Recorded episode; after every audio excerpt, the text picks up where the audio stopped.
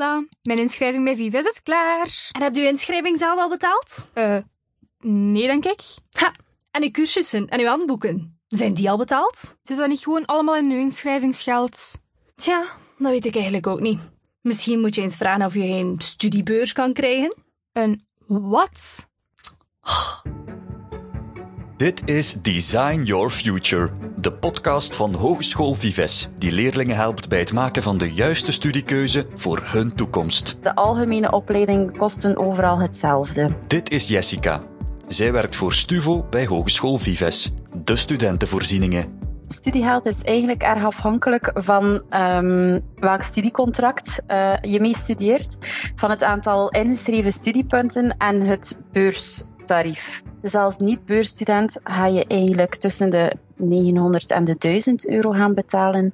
Als bijna beursstudent ligt dat bedrag ongeveer tussen de 500 en de 600 euro.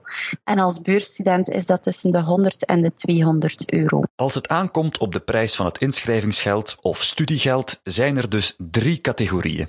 Als je beursstudent bent, um, dan ontvang je eigenlijk een studietoelage van de Vlaamse overheid voor het academiejaar waarvoor je bent ingeschreven. En het bedrag van de studietoelage schommelt eigenlijk altijd tussen ongeveer een 250 euro of een 4500 euro per jaar. De studietoelage wordt berekend um, aan de hand van het gezinsinkomen. Als beursstudent betaal je dus minder inschrijvingsgeld en krijg je een studietoelage van de overheid een som geld om onkosten mee te betalen. Als bijna beursstudent krijg je enkel een vermindering van het inschrijvingsgeld. En een niet-beursstudent betaalt gewoon alles. Er wordt een bepaald gewicht gegeven aan het gezin. Bijvoorbeeld uh, mama, papa en vier kinderen krijgen een bepaald gewicht en daar tegenover staat uh, een inkomen dat zij maximaal mogen verdienen. Zit je daaronder, dan krijg je een studietoelage. Zit je daar net boven, um, dan krijg je bij ons het bijna beurstarief uh, toegekend. Afhankelijk van het gezinsinkomen kan je dus het statuut van beurs of bijna beursstudent krijgen.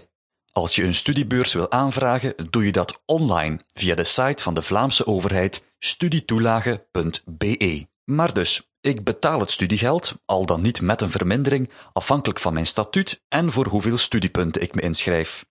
Zijn dat dan alle kosten voor mijn verdere studies? Jouw studiegeld die je betaalt, betaal je eigenlijk enkel om de lessen te mogen volgen.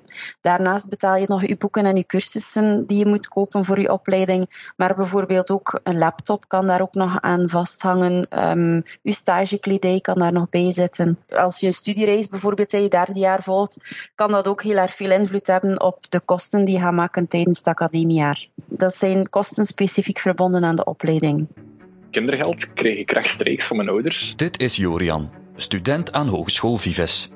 Tijdens zijn studies werkt hij en betaalt hij een groot deel van alle kosten zelf. Omdat ik niet iets had van een weekgeld of maandelijkse bijdrage, dan heb ik toch de afspraak gemaakt om het kindergeld rechtstreeks te krijgen. Daarbuiten betaalden mijn ouders eigenlijk en alleen maar een gedeelte van mijn kot. Ik kreeg een bepaalde som van 325 euro.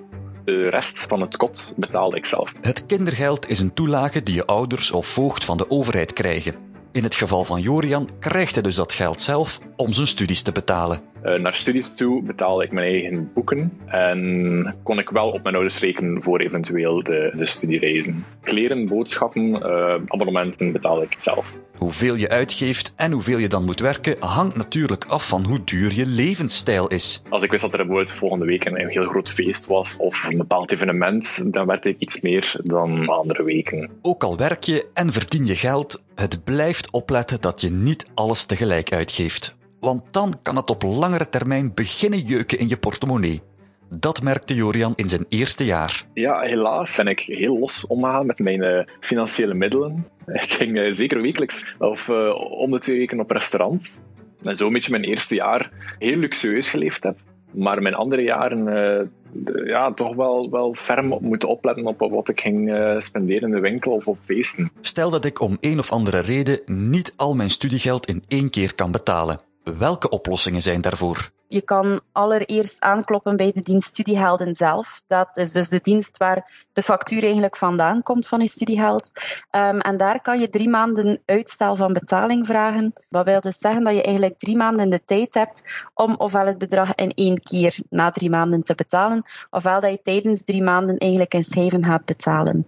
Nu lukt dat nog niet in die drie maanden, dan moet je eigenlijk tijdens uh, die drie maanden een seintje geven aan ons, bij Stuvo. En dan betaal je uh, het studiegeld eigenlijk in schijven aan ons terug tijdens het academiejaar. Dus op die manier is de kostprijs wel wat gespreid en we zien ook dat dat bij veel gezinnen uh, wel heel gunstig is. Grosso modo kost een kotstudent gemiddeld 10.000 euro per jaar. Een niet-kotstudent gemiddeld 7.000 euro per jaar. Een student op kot is ook een groot verschil met uh, welk kot neem je. Neem je een studio, um, neem je een kot bijvoorbeeld door Vives uitgebaat.